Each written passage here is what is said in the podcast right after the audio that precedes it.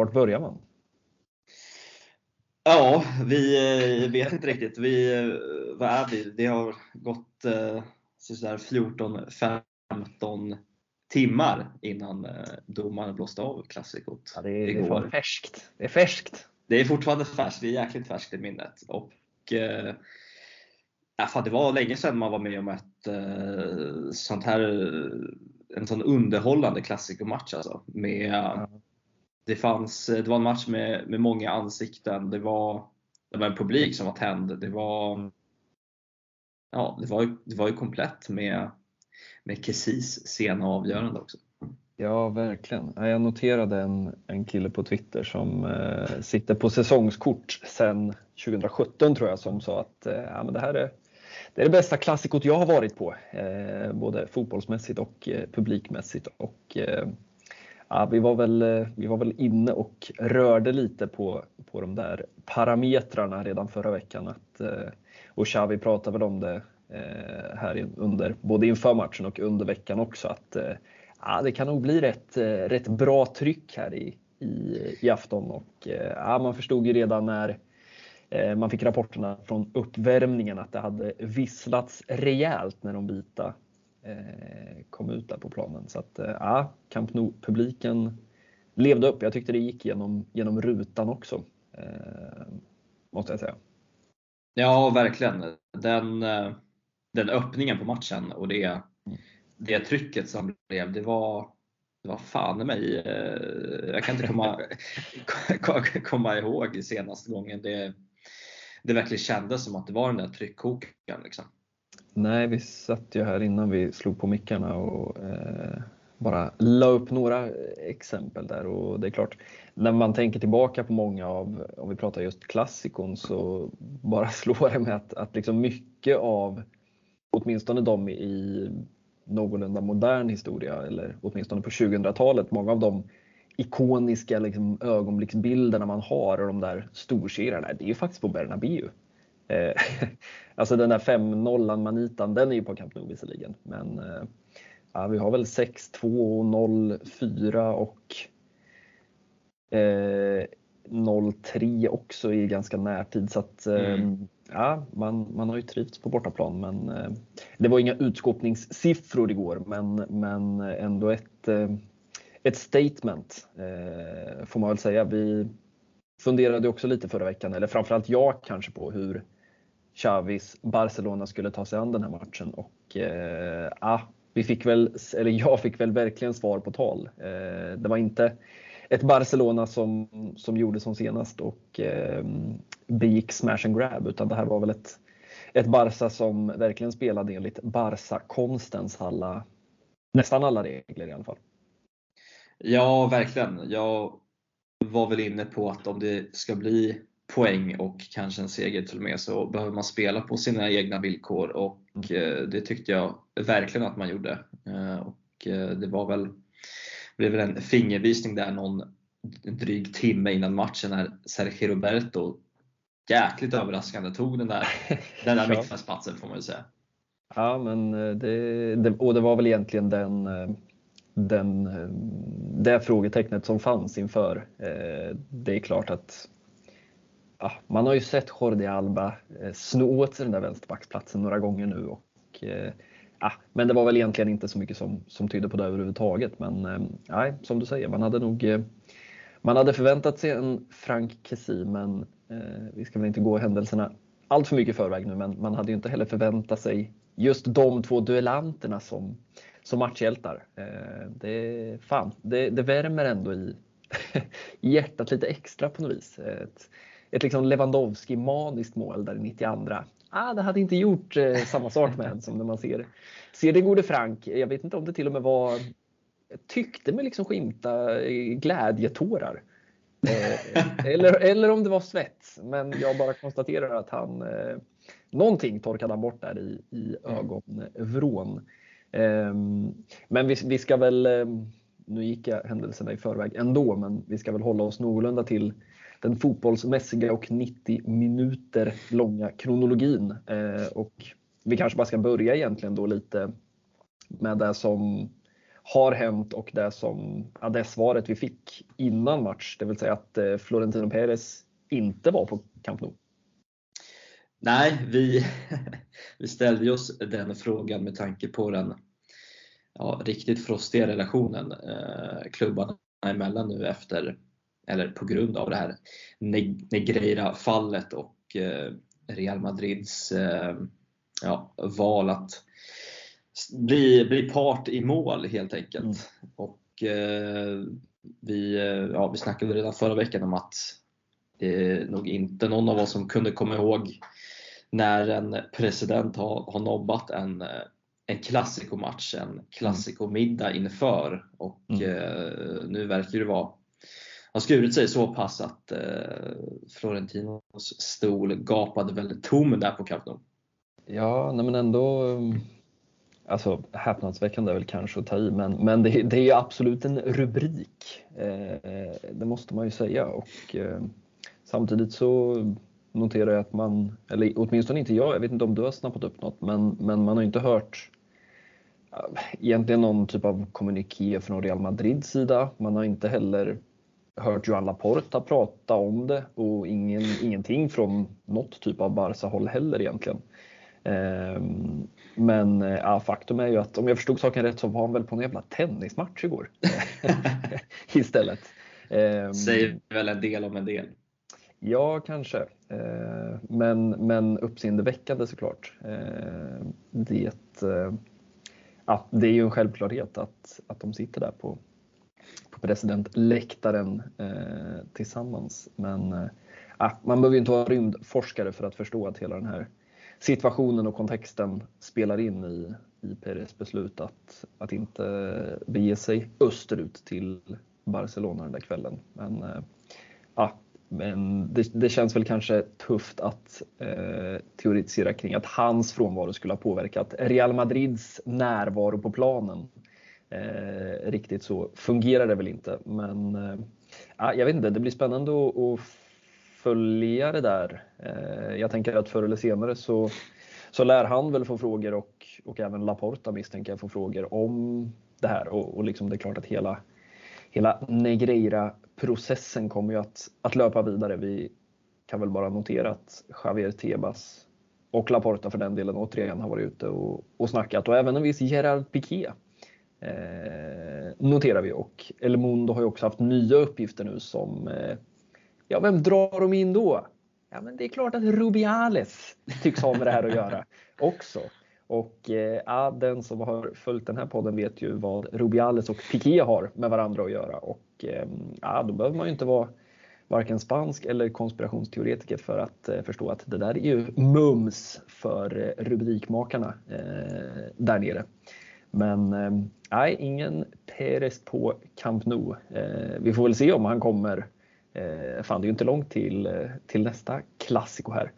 Eh, Nej, det var det, det var det jag tänkte. De får, de får försöka lappa ihop det där, det där förhållandet nu under ja. förhållet.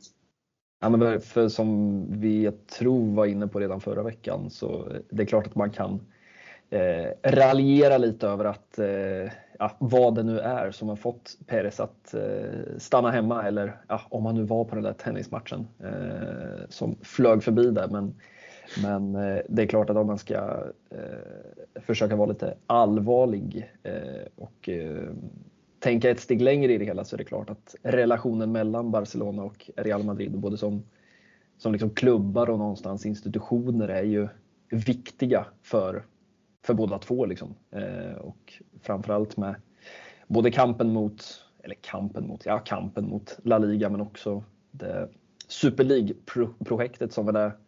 ja, det är inte så många som tror på det där, men eh, Florentino Perez och Joan Laporta, ja, de tycks ju vara två. Och, eh, ja, vi får se, det känns ju som två herrar som eh, dels är eh, väldigt politiska i sitt sätt att eh, agera och kommunicera. Ehm, Känns också som två herrar som inte riktigt har eh, det där i sig att ta ett steg tillbaka och erkänna sina egna brister kanske. Vi får väl se hur det, hur det fortsätter helt enkelt. Ja, det blir, det blir spännande att se. Ett, ett första svar lär väl bli den där cupreturen på Camp Nou här efter eh, landslagsuppehållet. Först ska man ju spela mot Elche. Stackars avsågade Elche som eh, sparkade Machin här under förmiddagen, noterade jag. Eh, Just det, de eh, åkte väl på, på däng borta mot, eh, mot Larial eh, mm. nu, i, nu i helgen. Stämmer, och det är väl ingen skam i sig i och för sig. Men eh, han tog över i november tror jag, så att det är väl tredje tränaren för säsongen nu som ska komma in och eh, ja, det känns väl lite som att bli inbytt i 89 vid ett 0-3 läge eh, i en match. Jag vet inte vad det är de har upp där, 12 poäng eller något tror jag. Eh, vilket vi väl ska säga också att eh, det har vi inte ens nämnt än, den där gyllene siffran 12. Eh, det är 12 poäng ner till Real Madrid nu i, i ligatoppen. Jag vet inte om vi ska börja liksom eh, och tugga oss igenom den här matchen och eh, du var inne på den flygande starten men sen kommer väl det Ja, det var länge sedan jag tyckte så synd om fotbollslaget efter Barcelona måste jag säga. Eh, jag vet inte riktigt vad man ska säga om den här eh, situationen. Ja, det kändes ju som bara ja, verkligen maximal otur när man ser de där reprisbilderna rulla och man ja, man ser ju hur millimetrarna verkligen är, är emot Araujo i den här situationen och hur den ja. perfekt slinker in där bakom Ter Stegen eh, mm. och in i mål. Ja, kalldusch är väl, eh, är väl det rätta ordet i, i sammanhanget. Eh, och lite, jag vet inte vad du tänkte där, men jag, jag var lite orolig. Jag tänkte liksom nu äh, ska luften gå ur liksom efter jag vet inte vad det var, 9-10 minuter. Ja. Eh, typ. Och eh, ja, man såg väl på Ter Stegen också. Jag uppfattade knappt att det blev mål i, i liksom den, den första situationen. Det såg så oerhört eh, knäppt ut på alla sätt och vis. Jag noterade att tv-kamerorna fångade Vinicius när han sprang tillbaka där efter ett eh, ganska rejält firande får man säga. Eh, och ehm, knuffade till Araujo och eh, om de spanska läppläsarna förstod saken rätt så sa väl liksom att ah, otur eh, kompis ungefär. Eh. Ja, de där hade ju sina, sina duster eh, mm. liksom, under matchen och jag märkte, märkte också att det var ofta som de var fram emot varandra och liksom eh, klappade varandra på axeln mm. efter någon eh, löpduell. Och de, eh, ja, de har ju verkligen varit i fokus med att det är så, det är så jäkla utpräglat att, eh, att det är Araujo som är just där för att mm. stoppa just Vinicius.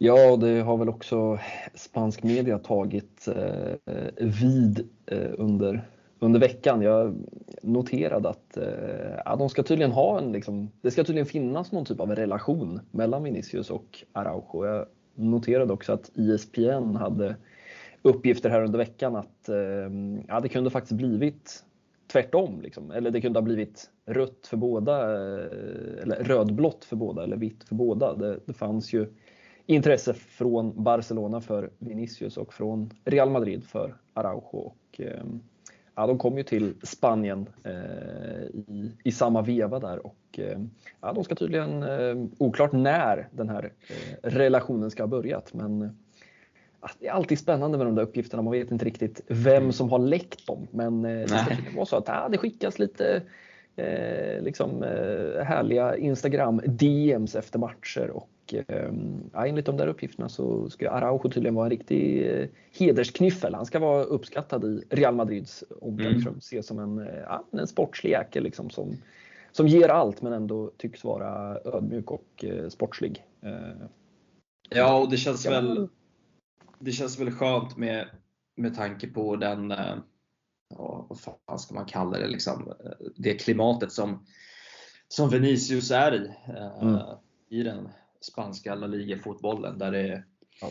Ja, det går väl inte en match utan, han, utan liksom att han både får höra det ena och det andra från publiken och motståndarna. Och jag vet inte, någonstans så får man väl grunda sig i att det det är en sport och eh, man, eh, ja vad fan, det behöver inte alltid gå, gå den vägen och det känns ändå, ja men det, det värmer lite det här fotbollshjärtat att, eh, att de ändå, ja att de har i alla fall den, den sportsliga respekten för varandra.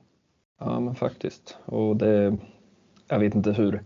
Man skulle nog kunna klippa ihop ett ganska kul eh, 15 minuters klipp ur den här podden med bara hyllningar till Ronald Araujo. Men man, man landar ju där igen att eh, ja, det är ändå häpnadsväckande eh, vilken fotbollsspelare det är och vilken fotbollsspelare han har växt ut till bara liksom det senaste året och också hur, vilket jag tyckte kanske igår var något nytt i hur mycket han faktiskt fick fylla på offensivt. Eh, med det osagt om det är instruktioner från Xavi eller om det helt enkelt var så att han kände att eh, nej, ett självmål i baken, nu måste jag, nu måste jag liksom eh, lösa det här på egen hand. Eh, för jag uppfattade som igår att han det har ju flera liksom räder in i straffområdet där han verkligen fyller på och går för inlägg och det där har man inte riktigt sett framförallt eftersom det har varit så tydligt att han ska, ska ta hand om Vinicius som ju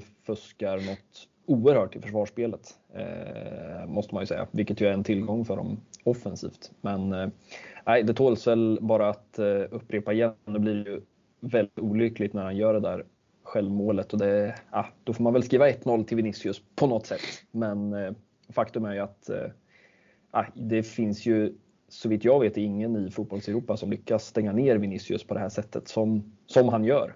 Eh, Eh, och det, jag menar, det är ju inte så att Real Madrid har mött några sopgäng hela säsongen utan jag menar herregud, man tycker att Liverpool ska vara ett av fotbolls-Europas starkaste lag med respekt för den tuffa säsong som de har haft. Men eh, nej, det, det verkar som att många har svårt med att, eh, att stänga ner just Vinicius, men eh, Ronald Araujo har gjort det nu.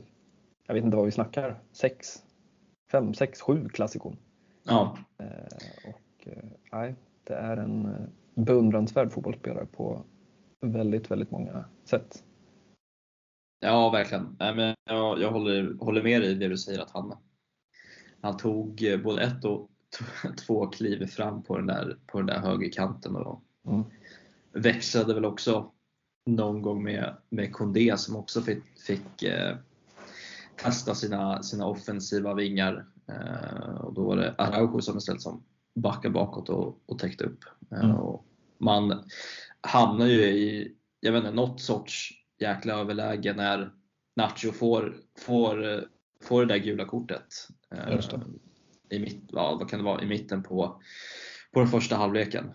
Mm. Eh, om, man, ja, om Real Madrid föredrar att anfalla till vänster med Vinicius så var det ju Barca som försökte utnyttja den där högerkanten med, med Rafinha. Ja men verkligen. Eh, jag vet inte om man ska passa på att säga någonting om jag fascineras ju så av, av Real Madrid som, som fotbollslag och igår så Ja, men det var väl verkligen ett, eh, jag tror att Kristoffer Kviborg var inne på det också i, i kommentatorsbåset, att en av de sakerna som gör Classico till en sån spännande fotbollsmatch är ju hur olika eh, taktiska system och liksom, fotbollsfilosofier som de här två klubbarna praktiserar. Eh, och var det här första kuppmötet en total och fullständig överraskning för oss alla? Ja, men det var väl igår lite back to basics på något sätt. Och ja, det är ändå noterbart hur enkelt det är inom citationstecken såklart att stänga ner Real Madrid. Du sätter en hög press och du, det kräver en Ronald Araujo. Men, men att ja, det är ändå fascinerande hur Real Madrid ändå klarar av att stöka av. Jag menar om man tittar på fjolåret, liksom, storlag efter storlag efter storlag som inte klarar av att hantera den väldigt ändå sparsamma spelidé som finns, framförallt den här säsongen. Eh, jag menar, stänger du ner Vinicius och när Karim Benzema börjar faktiskt se ut som 35 och inte som en Ballon d'Or-vinnare längre, då, då är det inte mycket kvar där bakom. Eh,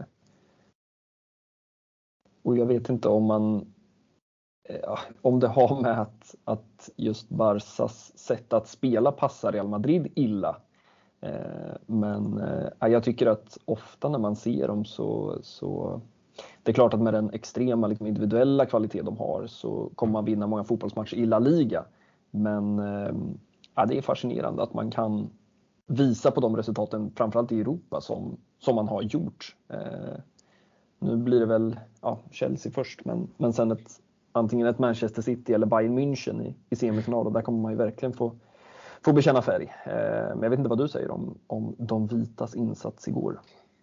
Nej, jag, jag håller med. Man, eh, Barca, jag tycker man lyckas med, med den där pressen eh, likt det man gör i, i den där Supercupfinalen eh, mm. där man i princip vinner den matchen eh, på att tvinga fram de här misstagen och inte ge, ge Real Madrid-försvaret någon, eh, något utrymme alls i, när, när man ska spela upp bollen. Eh, och jag tycker att man man lyckas på ett liknande sätt i den här matchen. Det, även om inte Militao slog bort någon, någon boll rätt, rätt in i gapet på, på en Lewandowski eller, eller liknande så, så hade de ju otroligt svårt att, att komma loss rättvända från mittfältet framåt. Ja, men man ska väl notera också att David Alaba saknas ju väldigt, väldigt mycket. Eh, mycket kan man ju säga om Eder Militao som jag noterar att Carlo Ancelotti kallar för världens bästa mittback på typ varje presskonferens när han får chansen. Eh, men, men tillsammans med Rydiger som ju är två otroligt starka, snabba, fysiska fotbollsspelare. Men eh, det är ju två uppspelsfötter som Alltså man inte skulle vilja ha i ett Barcelona, så mycket kan man ju konstatera. Eh, och det är klart att när David Alaba saknas i den där backlinjen så um, ja, det, det märks framförallt i, i eh, speluppbyggnaden och eh, vi ska väl också notera att eh, Chouameni har varit borta en tid och att eh, Eduardo Camavinga är och kommer framförallt kommer att bli en fantastisk fotbollsspelare. Men eh, ah, på den här nivån så eh, han kommer göra bättre och sämre insatser och eh, ah, igår kanske inte var, var hans kväll eh, riktigt. Men eh, samtidigt så, ja, de, eh, de är ju inte speciellt långt ifrån att gå in i halvtid med den där ledningen och eh, jag tror väl att hade de gjort det så ja, det hade nog inte blivit tre pinnar. Eh, är min känsla. Eh, känns som att det där Sergio Roberto målet eh, betyder mycket på många plan. Eh, vill, du, vill du ta oss igenom det? Ja, nej, men vi kan väl bara, som du säger, först och främst rent, eh, rent sportsligt i, i matchen. Liksom. Det kändes ju ändå på något sätt rättvist med tanke på hur det där Real Madrid-målet kom till. Eh, men eh, ja, Sergio Roberto, att han att det är just han som står där i straffområdet. Och, ja, han fick väl beröm för det avslutet i, i sändningen och det ska han fan ha. Det, han får ju den liksom, mer eller mindre stillastående och sätter dit den ändå. Liksom. En riktig fösare. Ja men verkligen. Och eh, ja, Sergio Roberto, om Araujo kan få 15 minuter compilation på hyllningar så kan väl Sergio Roberto få minst 20 minuter sågningar från den här podden. Ja. Uh, nej, men uh, vi var väl inne på det förra helgen att det är, fan, det är, det är ett blårött hjärta på den här pojken och uh, fan, vad, fan vad skönt det måste vara för honom att, att få chansen från start i, i det här klassikot. Och, ja, sätta sin, eh, sin prägel på den här matchen. Ja men verkligen. Eh, det, det är väl, om man ska börja liksom någonstans så är det väl egentligen den här situationen som man hamnar i där en timme, en och en halv timme före match där man eh, får den där notisen från journalisterna där på plats att ja, Frank Kessie sitter på bänken och Sergio Roberto startar. Det, det, är ju liksom det här man har varit orolig för och jag kan tycka att liksom den här efterklokheten kan bli lite provocerande för mig ibland. Eh, och det är också lätt att gå i försvar för en spelare som alla andra tycker inte håller nivån. Eh, för om vi ska vara, om vi liksom ska försöka backa ur från den här euforin så, så är det ju så att det kommer inte bli några Champions League-titlar. Eh, det blir inte heller någon ligatitel när man spelar Sergio Roberto i avgörande matcher över en säsong. Eh, och det är väl egentligen ingen, tror jag, i Barca-led som har några problem med att Sergio Roberto är där att han spelar med en B-lagslön och att han fungerar som en rotationsspelare eh, som vet vad det betyder att spela för Barca och som kan, eh, likt Jordi Alba har fått den här säsongen, den typen av roll. Det man fruktar för är ju att det ska sluta med att han startar sådana här matcher. Ehm, men till hans försvar så ska man ju säga att det är inte bara målet som, det är klart att det blir liksom den stora bilden från matchen. Men han gör ju en bra match eh, i den ja, dryga timmen som han spelar. 65-70 minuter till och med, tror jag. Ja. Eh, alltså det, är en av hans, det måste vara en av hans bättre matcher på ett centralt mittfält i Barcelona.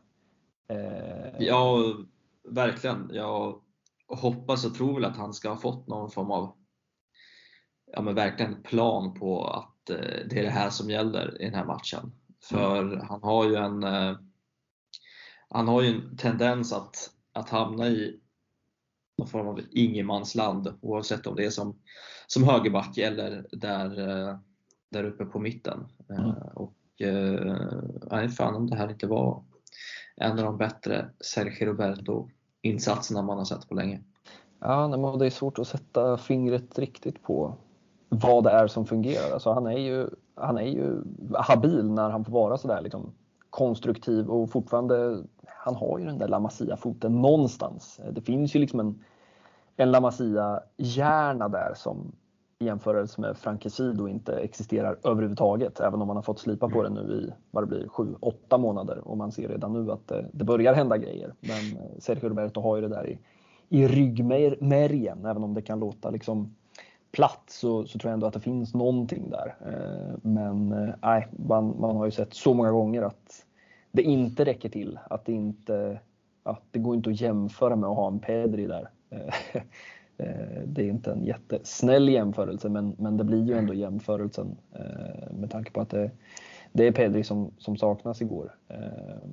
Men nej, jag kan tänka mig att han, gick och la sig eh, ganska sent hoppas jag. Hoppas att han tog en och annan corona innan han eh, åkte hem. Eh, men eh, nej, vilken, eh, vilken kväll för, för honom och eh, också vilken kväll för Xavi misstänker jag som, som ju har Ja, det är väl Kristensen och Sergio Roberto som, som brukar få hyllningarna på, på presskonferenserna och noterade att Xavi efter matchen där igen sa att ja, det, är, det är det största mysteriet för mig eh, hur man inte kan uppskatta Sergio Roberto för, för den fotbollsspelaren han är. Och, eh, ja, nej, det var, var starka scener, det här målet. Många feta stillbilder som jag ska fundera på vilken som ska klippas in som avsnittsbild här. Eh, kanske blir det en honör av Frank Kessie också. Det är ju en, jag vet inte, vad är det de kallar den kidsen? Iconic? Ja, det är väl, eh, han har väl fått något form av El Presidente smeknamn eh, när, han, när han gör den där saluten. Ja. Nej, vi, vi ska väl inte riktigt eh, gå från eh, tilläggstid i första halvlek till tilläggstid i, i andra halvlek. Eh, riktigt så snabba ska vi väl inte vara. Eh, det var ju 45 minuter fotboll som, som skulle spelas däremellan också och Ehm, jag tänkte ändå att vi skulle ägna lite tid åt att prata om detta eviga problem som uppstår i i princip varje fotbollsmatch när klockan tickar upp mot en 70 minuter. Ofta sammanfaller också med att Frank kommer in på plan. Eh, för att återigen så tappade ju Barca matchen totalt från minut 70 till det där bortdömda målet. Eh, och ehm, ja, man löser det ju igen som man har gjort så många gånger. Man tar den där trean. Det blev inte 1-0 men det blev en uddamålsseger. Men ja, vi måste väl ändå bara konstatera att återigen så hade det absolut inte varit förvånande om Real Madrid hade fått in ett mål som ja, ett, ett godkänt mål.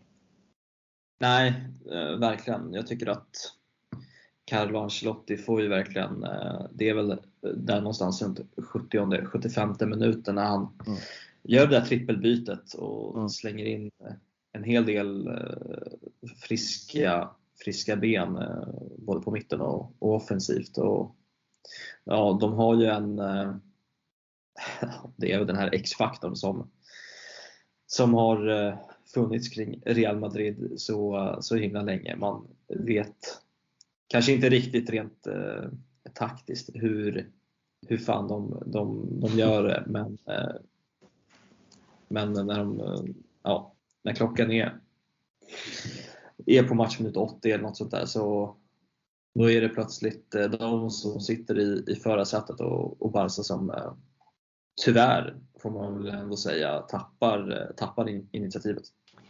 Ja, eh, ganska konstigt mål eh, måste jag säga. Det kändes som en konstig situation hela vägen och eh, det är klart att det är Marco Asensio som, som böjer in den där bollen. Eh, kunde väl alla förstå att det manuset var förskrivet. Eh, jag, det är fortfarande, tycker jag, kanske den största gåtan med Xavis Barca. Det här att man så många gånger i en liksom klar majoritet av matcherna bara tycks från egentligen, det kan ju liksom gå på fem minuter. Man kliver ju ut i andra halvlek i princip på samma sätt som man gör i första halvlek. Eh, skapar liksom enormt tryck och man är så skickliga där när Sergio Busquets och Frenkie de Jong samlar upp de där andra bollarna och man får liksom våg på våg på våg. Eh, och det slutar med att Real Madrid ja, de kommer så lågt så att när de väl ska försöka ta sig upp, ja, då, då, då har man inte mycket att spela på. Men eh, vad det är som händer sen, det är, eh, ja, det är fortfarande en gåta för mig. Jag förstår inte riktigt om det är taktiskt att man, för det ska vi ju ha med i, i liksom diskussionen att ja, visserligen står det 1-1 på Camp Nou, men alla förstår ju att det är Real Madrid som är desperata efter det här segermålet. Alltså det är ju inte 1-1 matchtavlan. Det är ju liksom ja, 12 poäng eller, eller ja, det blir det ju inte då. Eh, vad blir det, 10 poäng eller, eller 6 poäng. Alltså det är ju, det är ju ja, det är Real som måste gå för ett mål och Barca kan vara ganska nöjda med det där 1 resultatet. Det förstår man ju. Det är ju ungefär som att leda med 2-1 då. Mm. Men, men är det självförvållat, självvalt att man lämnar över det där initiativet? Eller handlar det om att laget som inte klarar av det rent fysiskt. Eh, jag, jag har fortfarande så här sju, åtta månader in på säsongen inget riktigt bra svar. Eh, måste jag säga. Nej, Nej, och sen kan man väl också lyfta fram om det inte är någonstans i, i sportens natur att eh, rent psykologiskt att man ja, kollar på veckan och, och som du säger, det, det, de sista sista 10 minuterna plus tilläggstiden, det blir ju som ett jävla, ett jävla sjöslag. Liksom. Det blir ju mm. liknar mer en, en, en handbollsmatch än en fotbollsmatch när, när lagen går till anfall efter anfall efter anfall. Liksom. Det är kontring på kontring. Eh, och eh, ja, vad fan, den här gången hade man Ja, jag vet inte om det var ens centimetrarna, men millimetrarna på sin sida mm. när, eh, när VAR klev in och, och dömde bort det där målet.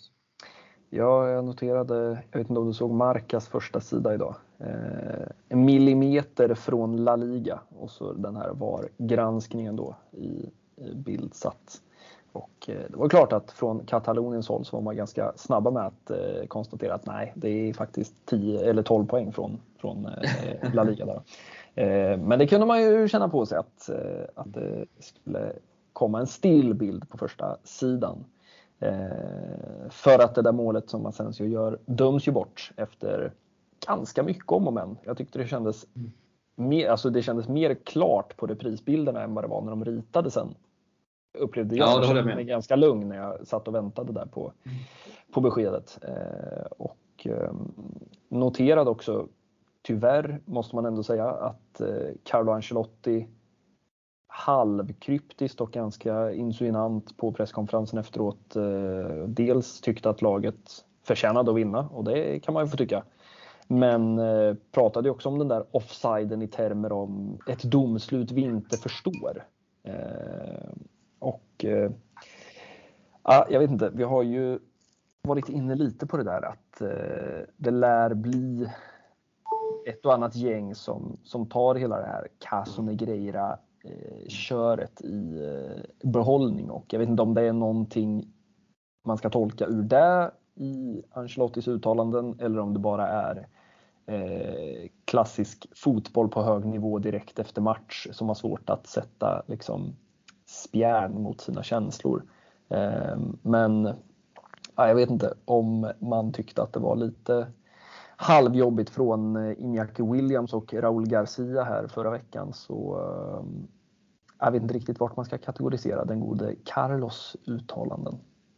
Nej, det kändes väl mest som att han kanske såg chansen att så lite tvivel och då, då gör man det. Då sätter man den här extra, extra pressen eh, i det här fallet. Eh, just när det kommer till, till en sån här offside så har väl eh, ja, jag i alla fall rätt svårt att, svårt att hamna i den där polemiken. Antingen, eh, det är väl binärt, antingen är man offside eller så är man inte offside i det här fallet.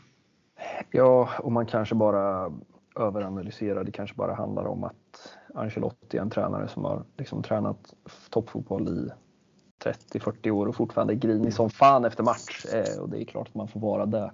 Eh, så det kan ju faktiskt vara så att man läser in lite för mycket i det där. Men eh, eh om, det, om det går att prata om den här eh, hans situationen på Ikermoniain var det väl eh, förra helgen så, så känns väl den här som ja, det är ju offside. Så mycket mer finns väl inte att, att säga och det är klart att det gör lite extra ont misstänker man ju i den spanska huvudstaden när eh, det kommer ett jävla fint segermål. Måste man säga. Eh, riktigt eh, klapp-klapp-spel. Ja, verkligen. Lewandowskis klack där till, till Balde innan han vispar in den där bollen var ju, ja det var fotbollsgodis. Man noterade också att eh, Frankesi sökte sig omkring i straffområdet. Vart är Ansu Fati? Kan han stå i vägen? Men nej, inte den här gången. Eh, och eh, ja, det måste väl vara, jag vet inte vad man annars har haft för liksom matchhjältar i klassikos genom åren. Men, men att de heter Sergio Roberto och Frank Kessi, det jag, på rak arm så här så, så känns det som att de ligger rätt högt upp där på, på topplistan över uh, oväntade klassikohjältar genom åren. Ja, det får man, får man säga. Nu har ju den gode Kessi avgjort, uh, ja, det är två klassikor eh, i rad. Och det är mm.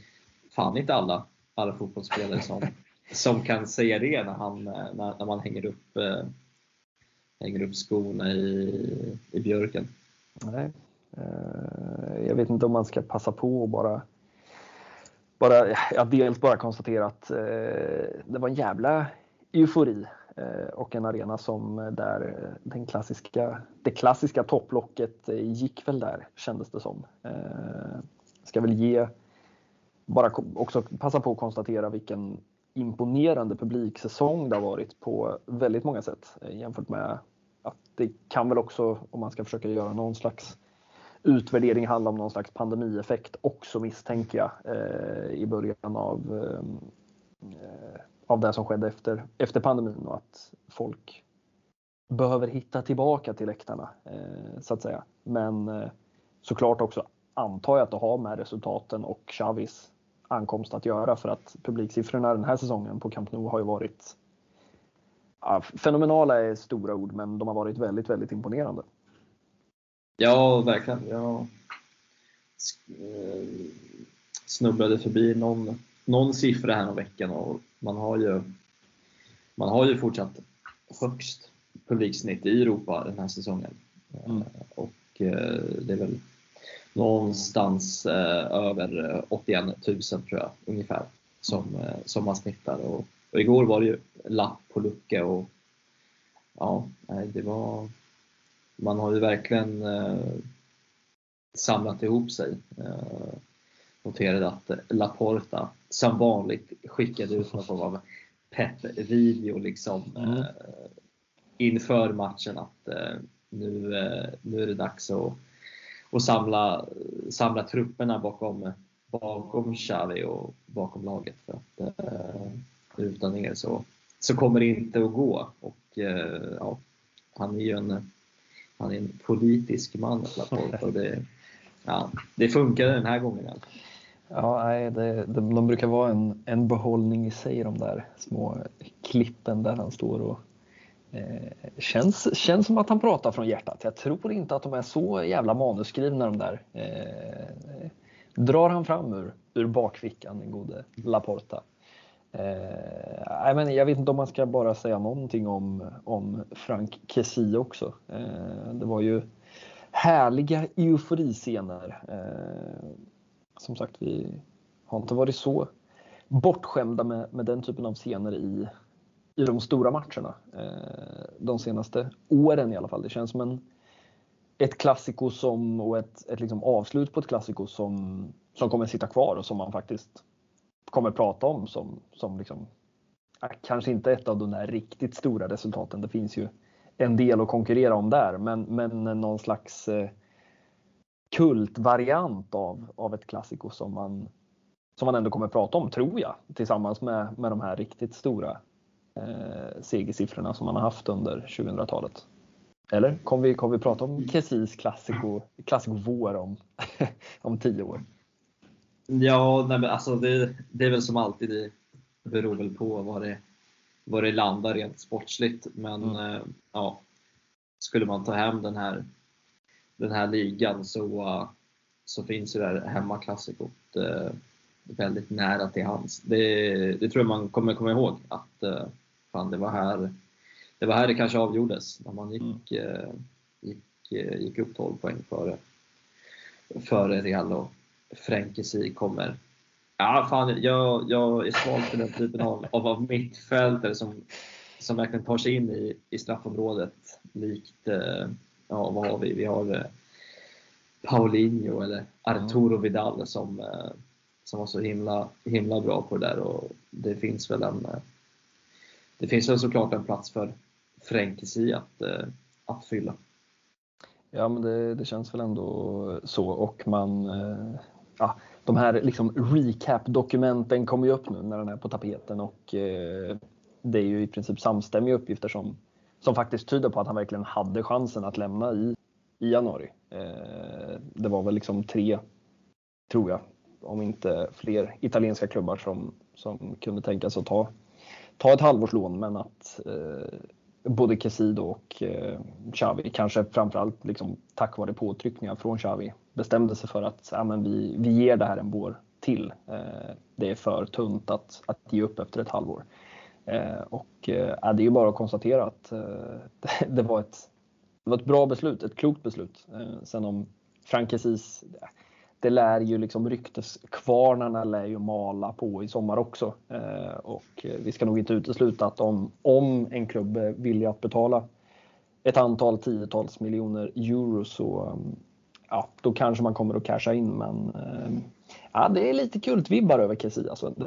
man, man känner det på sig. Eh, man har sagt att det är väl Luc de Jong som är, är liksom senast på den där härliga listan eh, över spelare som man, ja, som man tar till sig lite extra. Eh, syntes ju att det, att det betyder mycket för Kessie själv eh, också. Eh, kan man ju bara konstatera. Ja, det var härliga om, fyra bilder.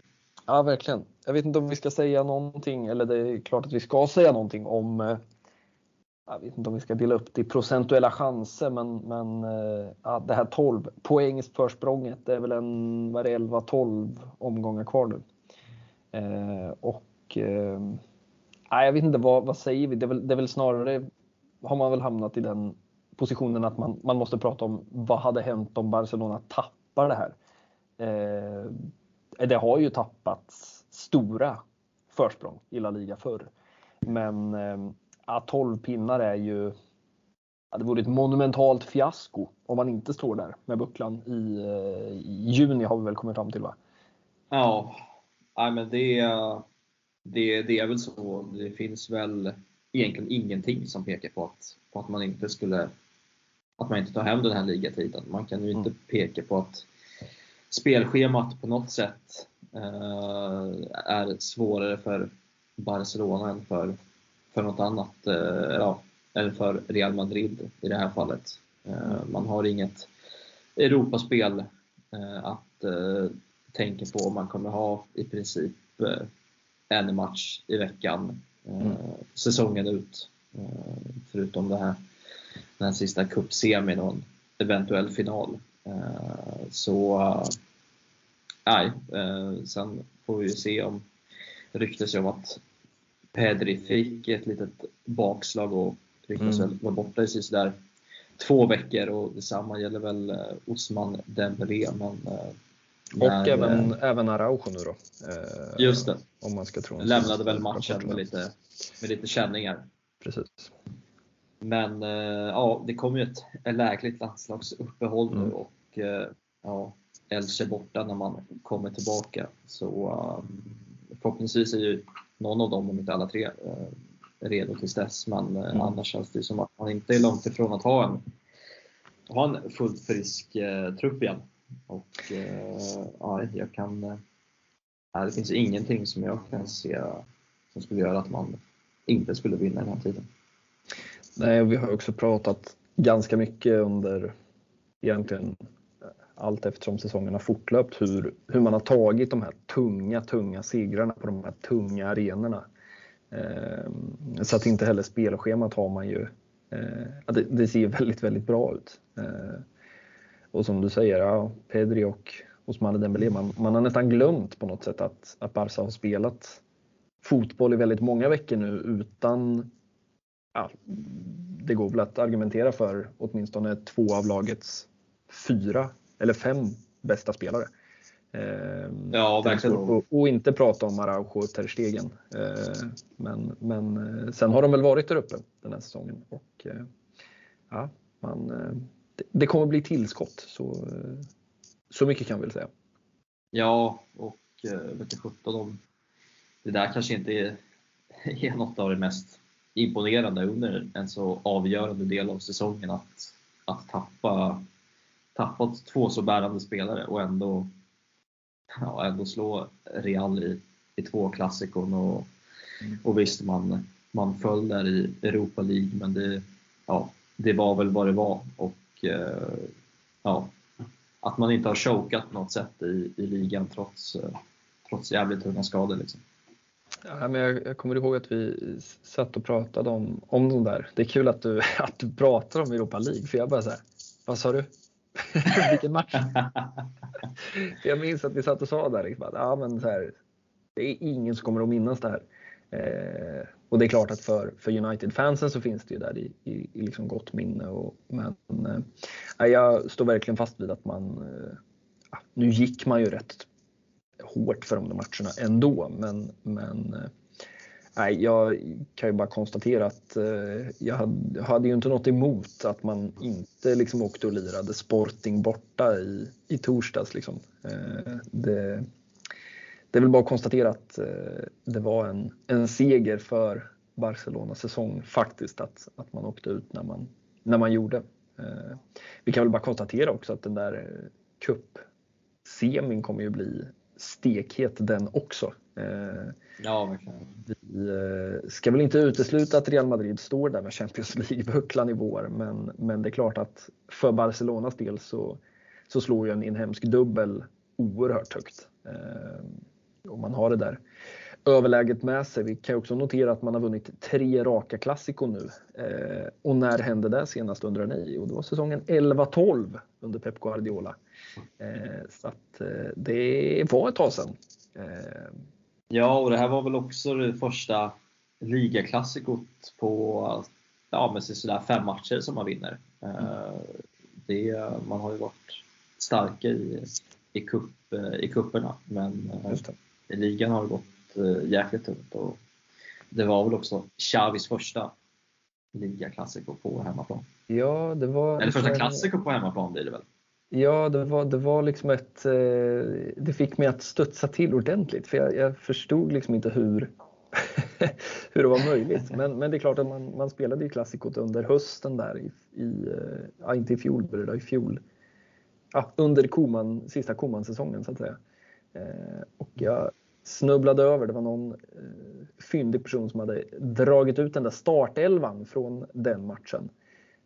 Det senaste klassikot på Camp Nou och äh, det, var, det var en annan tid eh, kan man konstatera. En Oscar Mingueza från, från start och en Sergio Agüero som väl eh, gjorde mål i den matchen. Bör det väl ha varit. Ja. Jag tänker helt fel här nu. Eh, ja, det måste vara det klassikot kan, kan Filipe Coutinho också funnits med i den elvan? Eller var han skeppad vid det laget? Inte alls omöjligt att han spelade som offensiv fältare i det där ofattbara 4-2-3-1 systemet som han ja. körde med där eh, under hösten, Ronald Koeman. Eh, nej, jag bara kunde något att lägga i minnesbanken och bara konstatera. Man har kommit en lång väg. Ja, det, det, har, varit, det har varit en, en sträcka, men ja, det, det känns väl som att äh, båten är på väg i rätt riktning. Äh, det vågar vi väl konstatera. Jag vet inte om vi, om vi har någon ytterligare individ, spelare att lyfta från den här kvällen. Det, det finns ju många som som förtjänar goda, det, det, finns väl ingen spelare egentligen som, som kommer av planen med mindre än 3 plus. Eh, Nej, jag tycker, jag tycker Christensen ännu en gång är mm. En jävla stabil pjäs på mitten. Uh, Balde, ja den där vänsterkanten är ju, är ju säkrad så att säga. Ja. Uh, men det, det, är väl som du säger, det är jävligt många som gör eh, riktigt, riktigt bra insatser. Uh, mm. Men jag, vet inte, jag skulle ge, vilja ge ett litet plus till Ansu Fati. Han, han ju inte med så jävla mycket sportsligt. uh, fan vad jag älskar det där kurret med Dani Ceballos där i, i slutet vid, vid slutsignalen. Att det, att, det fan, att, det, att det ändå tände till. Mm.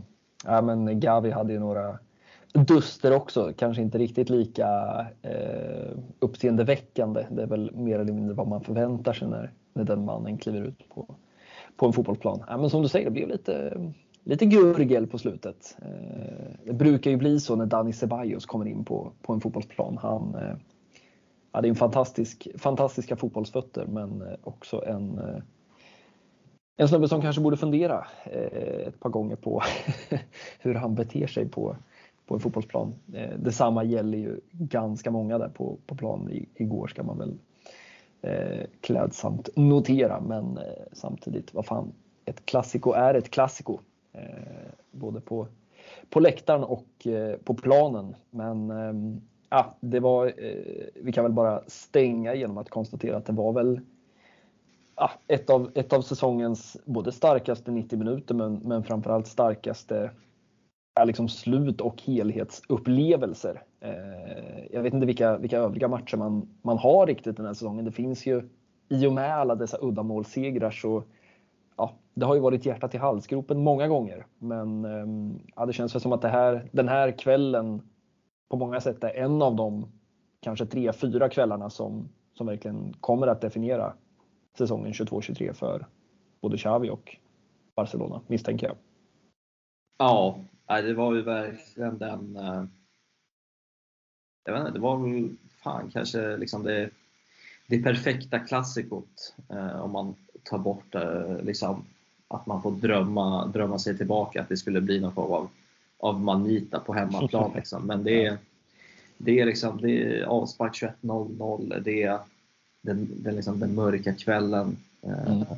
i Barcelona. Eh, noterade du, noterade du hur fint och öppet Camp Nou var? De gröna bilderna. För sista gången. För sista gången. Barcelona. Nej, det var med, med sorg som jag eh, såg. Man saknar lite också det där, noterade jag, när Simor har sin studio. Vanligtvis när Barca spelar så har de bara 10 minuter, typ, varav 7 minuter är klippbilder innan Pinto mm. kommer in och säger god afton. Och jag saknade de där jävla klippbilderna. Insåg jag. Jag vill inte ha Gusten och Astrid i studion. Ge mig klippbilder på Kristensen för fan. Var, nej, det är ett jävla mys de där 10 minuterna. Sitter alltid ja. 20.50 går sändningen på. Det är... Eh, Så lyssnar man på någon, eh, någon Simon slinga liksom. Den är så jävla bra alltså.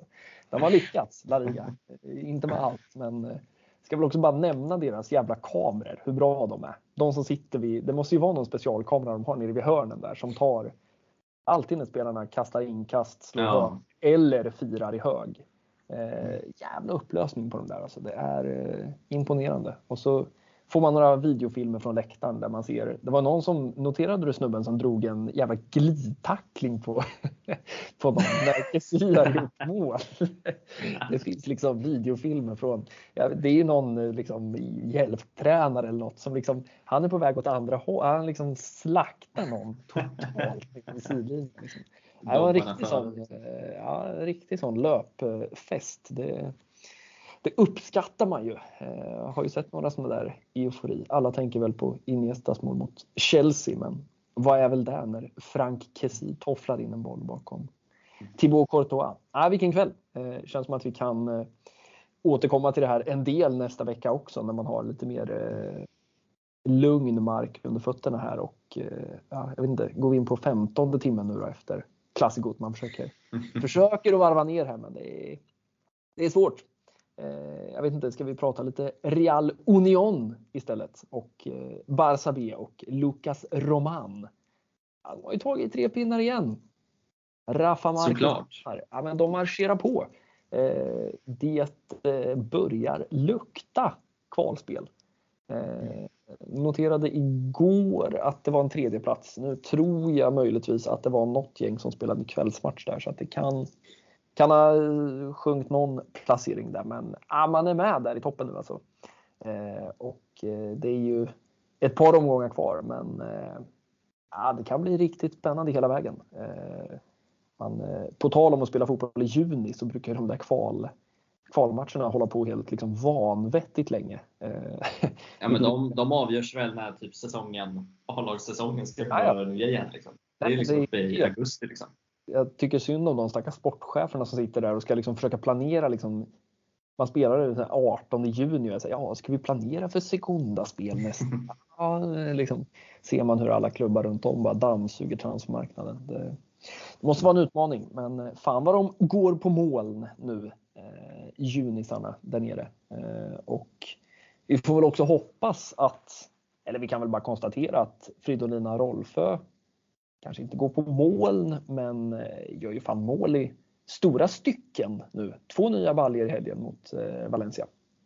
Mm, det, det noterades dit. Ett härligt, härligt formbesked inför veckans Champions League-spel såklart.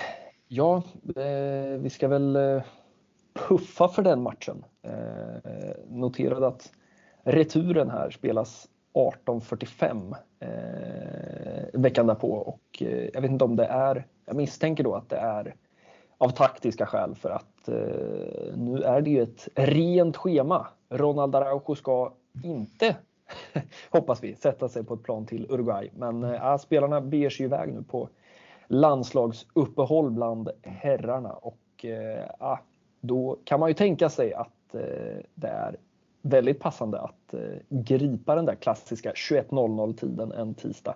Eh, det är väl tisdag morgon när det här släpps och eh, ja, vi har ju i ett par veckor nu känns det som brandat det här som ja, det, det är ju ingen rymdforskning att hela Champions League-spelet blir den stora grejen när man eh, ligaspelet är ju vad det är så att säga.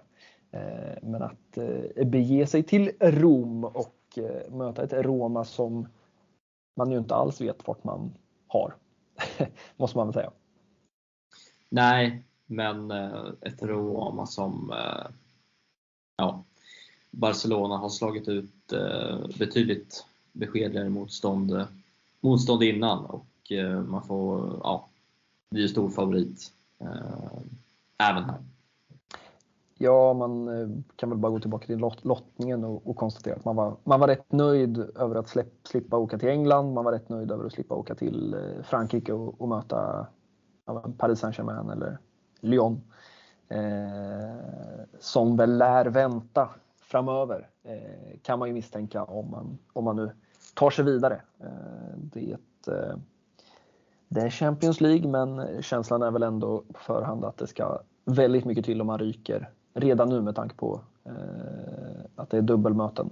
Eh, det är klart att man kan snubbla en gång, men eh, ja, vi ska inte, ska inte ta ut allt för mycket i förskott. Men eh, vi kan väl bara konstatera att det hade varit en ja, om det hade varit fiasko för herrarna att eh, tappa de här 12 poängen så hade det varit eh, lika stort fiasko för damerna att eh, ryka redan här mot, eh, mot Roma.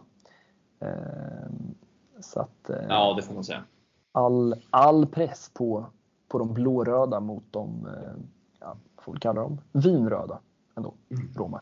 Ja, det är ett jäkla schema, schema Femini går in i. Det är, det är Roma nu, eh, ja vad blir det, senare ikväll då på tisdagen. Eh, mm. Och eh, sen är det ju ett, ett hemmaklassiko på lördag innan det är retur igen nästa onsdag. Så det är, mm.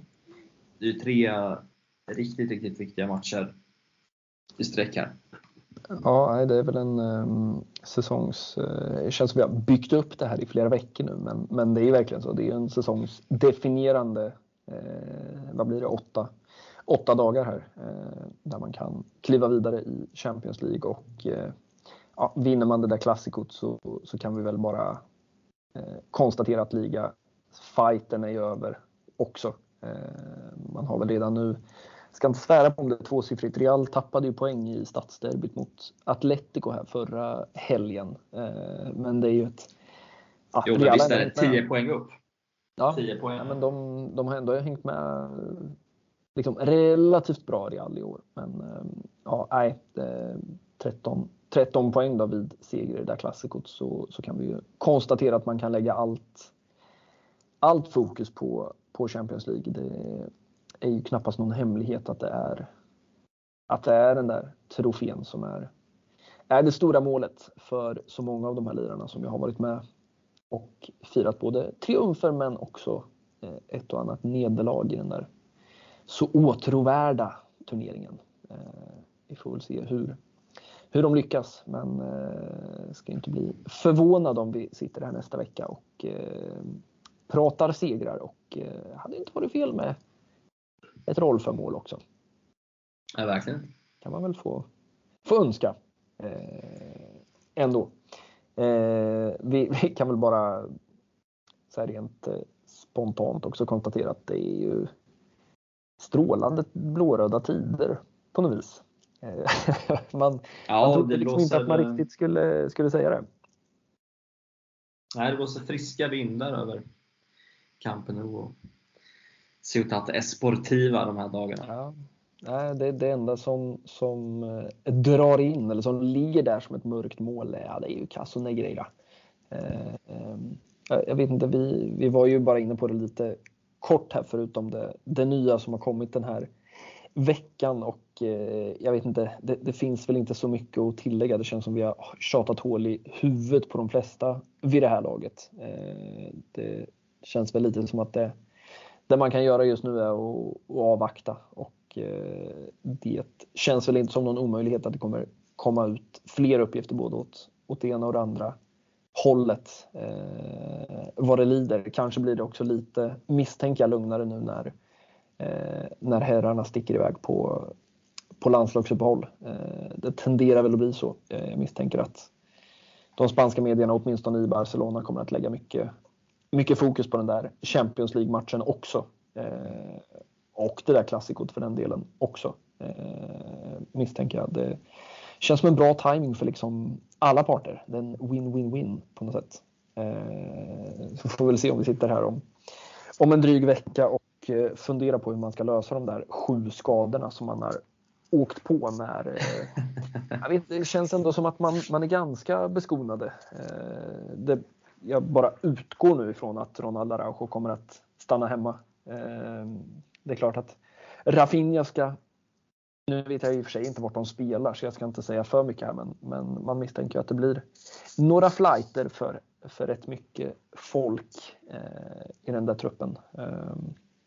Vi kan väl bara ja, Rafinha som, eh, som vi också kan konstatera missar ju Elche-matchen. Ja, eh, I och med det, det gula kortet i klassikot.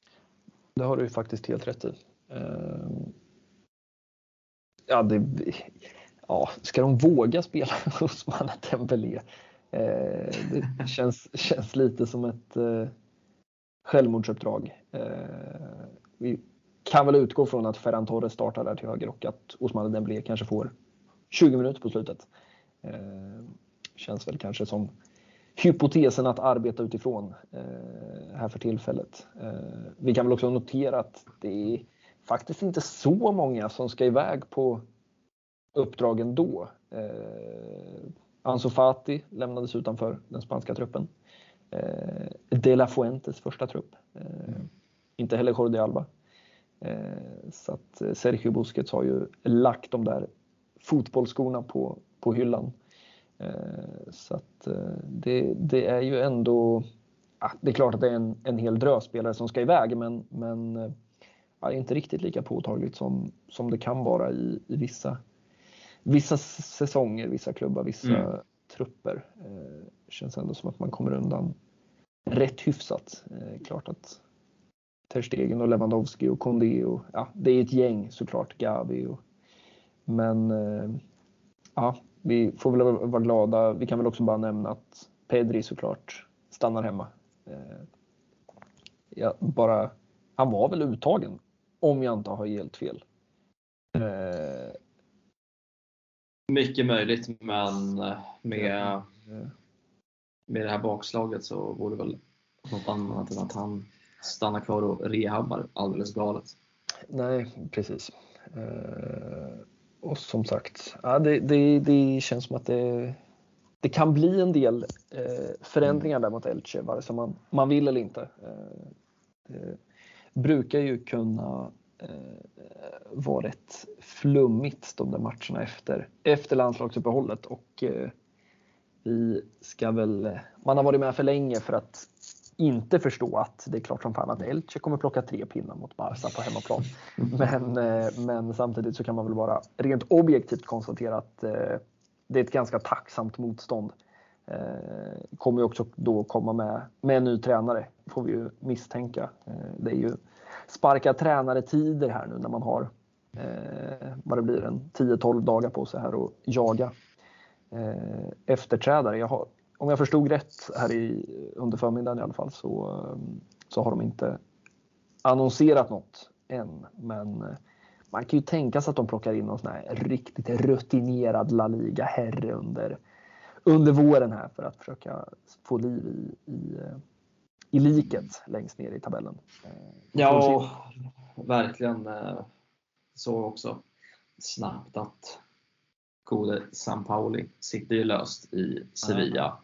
Och, eh, frågan är om inte de, de drar, drar ut den där kontakten och eh, letar en ersättare. Även de. Men det är väl som säger, det är nu det ska hända. Ja, men lite så. Eh, noterade ju en tung jävla förlust för dem igår mot eh, Getafe. Eh, allas vår Monir El Haddadi målskytt, såklart. Mot sitt förra gäng då alltså. Eh, det, man, eh, man är inte avundsjuk på den där nedflyttningsstriden. Det är väl sådär åtta lag inom eh, tre, fyra, fem, sex poäng där. Eh, så att, eh, följ La Liga. Eh, även om, om toppen kanske inte känns sådär jättehet just nu. Men sen går Barca på två miner och sen lever allt igen. Man har, man har sett skit förr. Va? Eh, bara att, eh, att konstatera. Men eh, ja, vi går väl ut på en high. Va? Aldrig har väl Xavi och Dan känts mer passande att ha som, som bakgrund till ett tillfälligt farväl. Nej, verkligen inte. Man hade ju vet, gånger dem sådär 95 000 för att få, få trycket från gårdagen. Men ja. Xavi och Eh, vår eh, allas eh, gode Dan duger gott va? Ja, man kan ju nästan tycka att man borde printa upp dem där på storbildsskärmarna på Camp Nou och dunka ut den där versionen i, i högtalarna. Det, det hade varit något man gärna hade sett på, på plats. Eh, men vad fan, man får ta de strider man kan och eh, vi får helt enkelt trycka ut dem i högtalare och hörlurar runt om i, Sverige istället. Eh, vi säger väl på, ah, på återseende i det där eh, landslagsuppehållsmolnet eh, någon gång i nästa vecka och vi önskar väl alla ett glatt landslagsuppehåll helt enkelt. det låter sådär. Ja, det känns, all... känns skönt att gå in i det med en eller klassikoseger i alla fall. Ja men verkligen. Vi får rida på, på den vågen nu i 10-12 dagar här. Men vi är tillbaka innan dess, någon gång i nästa vecka.